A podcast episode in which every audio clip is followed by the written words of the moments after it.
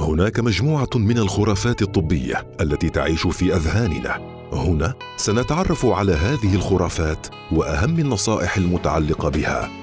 يقال أن المياه المعدنية أحسن من ماء الحنفية والماء المعبى أفضل وآمن من ماء الحنفية. ما حقيقة هذه العبارة؟ خلونا نتعرف على إيش قال الدكتور أحمد محمد عبد الملك في خرافات طبية. خرافات طبية. مع سميرة الفطيسية يتجه المستهلكون عادة لشراء المياه المعبأة في زجاجات بلاستيكية تحت وطأة الاعتقاد الخاطئ بأن هذه المياه أكثر أماناً ونقاءً أو أنها صحية أكثر من مياه الحنفية.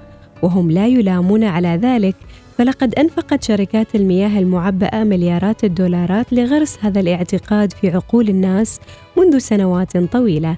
لكن الحقيقة عكس هذا الاعتقاد. هناك دراسة أجراها مجلس الدفاع عن الموارد الطبيعية الأمريكي واستغرقت هذه الدراسة أربع سنوات في دراسة وتحليل صناعة المياه المعبأة. وخلصت هذه الدراسة إلى أنه لا ينبغي لأحد أن يفترض أنه لمجرد شراء الماء المعبأ في عبوة أنها بالضرورة قد حصل على ماء أكثر ثقة ونقاء وأمانا من ماء الحنفية. ونستطيع القول بأن جزءا كبيرا من الدراسات المستقلة التي أجريت على المياه المعبأة أظهرت وجود تلوث بالبكتيريا أو بالمواد الكيميائية الصناعية. لذلك الحقيقة العلمية تقول أن مياه الحنفية الحكومية أكثر خضوعا لعمليات الضبط ومراقبة الجودة وبشكل يومي بعكس الحال في المياه المعبأة إضافة إلى ذلك أن العبوات البلاستيكية المستخدمة في الماء المعبأ قد تنقل وتخزن تحت أشعة الشمس والحرارة وفي ظروف لم تصمم هذه العبوات لتحملها مما قد يؤدي إلى تفاعل المادة البلاستيكية مع الماء. وتقوم بعض الشركات المنتجة للمياه المعبأة بالإدعاء أو بالإيحاء بأن مصادر مياهها من الينابيع الطبيعية البكر وفي الحقيقة هي ليست كذلك. ووفقا لحكومة الولايات المتحدة الأمريكية وتقييم الصناعة لديها فإن حوالي 25 إلى 40% من الماء المعبأ هو ماء فلتر مع بعض المعالجة الإضافية في بعض الأحيان. ومن آخر الحيل التي قد تشاهدونها ماء الأطفال الذي يأتي بعلب وردية جميلة صغيرة وتزعم الشركات المصنعة أنها تلائم الأطفال أكثر. لكن الحقيقة أنه لا توجد أفضلية لهذا الماء عن الماء العادي.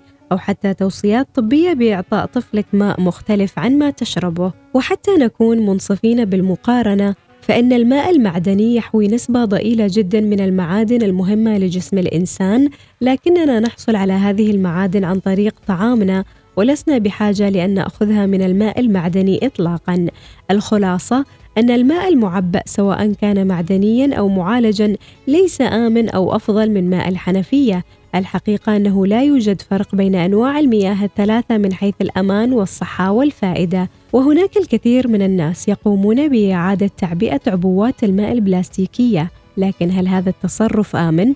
يقول الدكتور أحمد محمد عبد الملك العبوات البلاستيكية إذا قلبتها سوف تجد تحتها رقم يبدأ من رقم واحد وينتهي برقم سبعة وترمز الأرقام إلى نوع البلاستيك المستخدم في تصنيع عبوات المياه وما يجب أن نعرفه هو أن العبوة رقم واحد ورقم سبعة لا يجب إعادة تعبئتها بعد الاستخدام. أما العبوات من اثنين إلى ستة فحسب المصادر الطبية أنه آمن لإعادة التعبئة.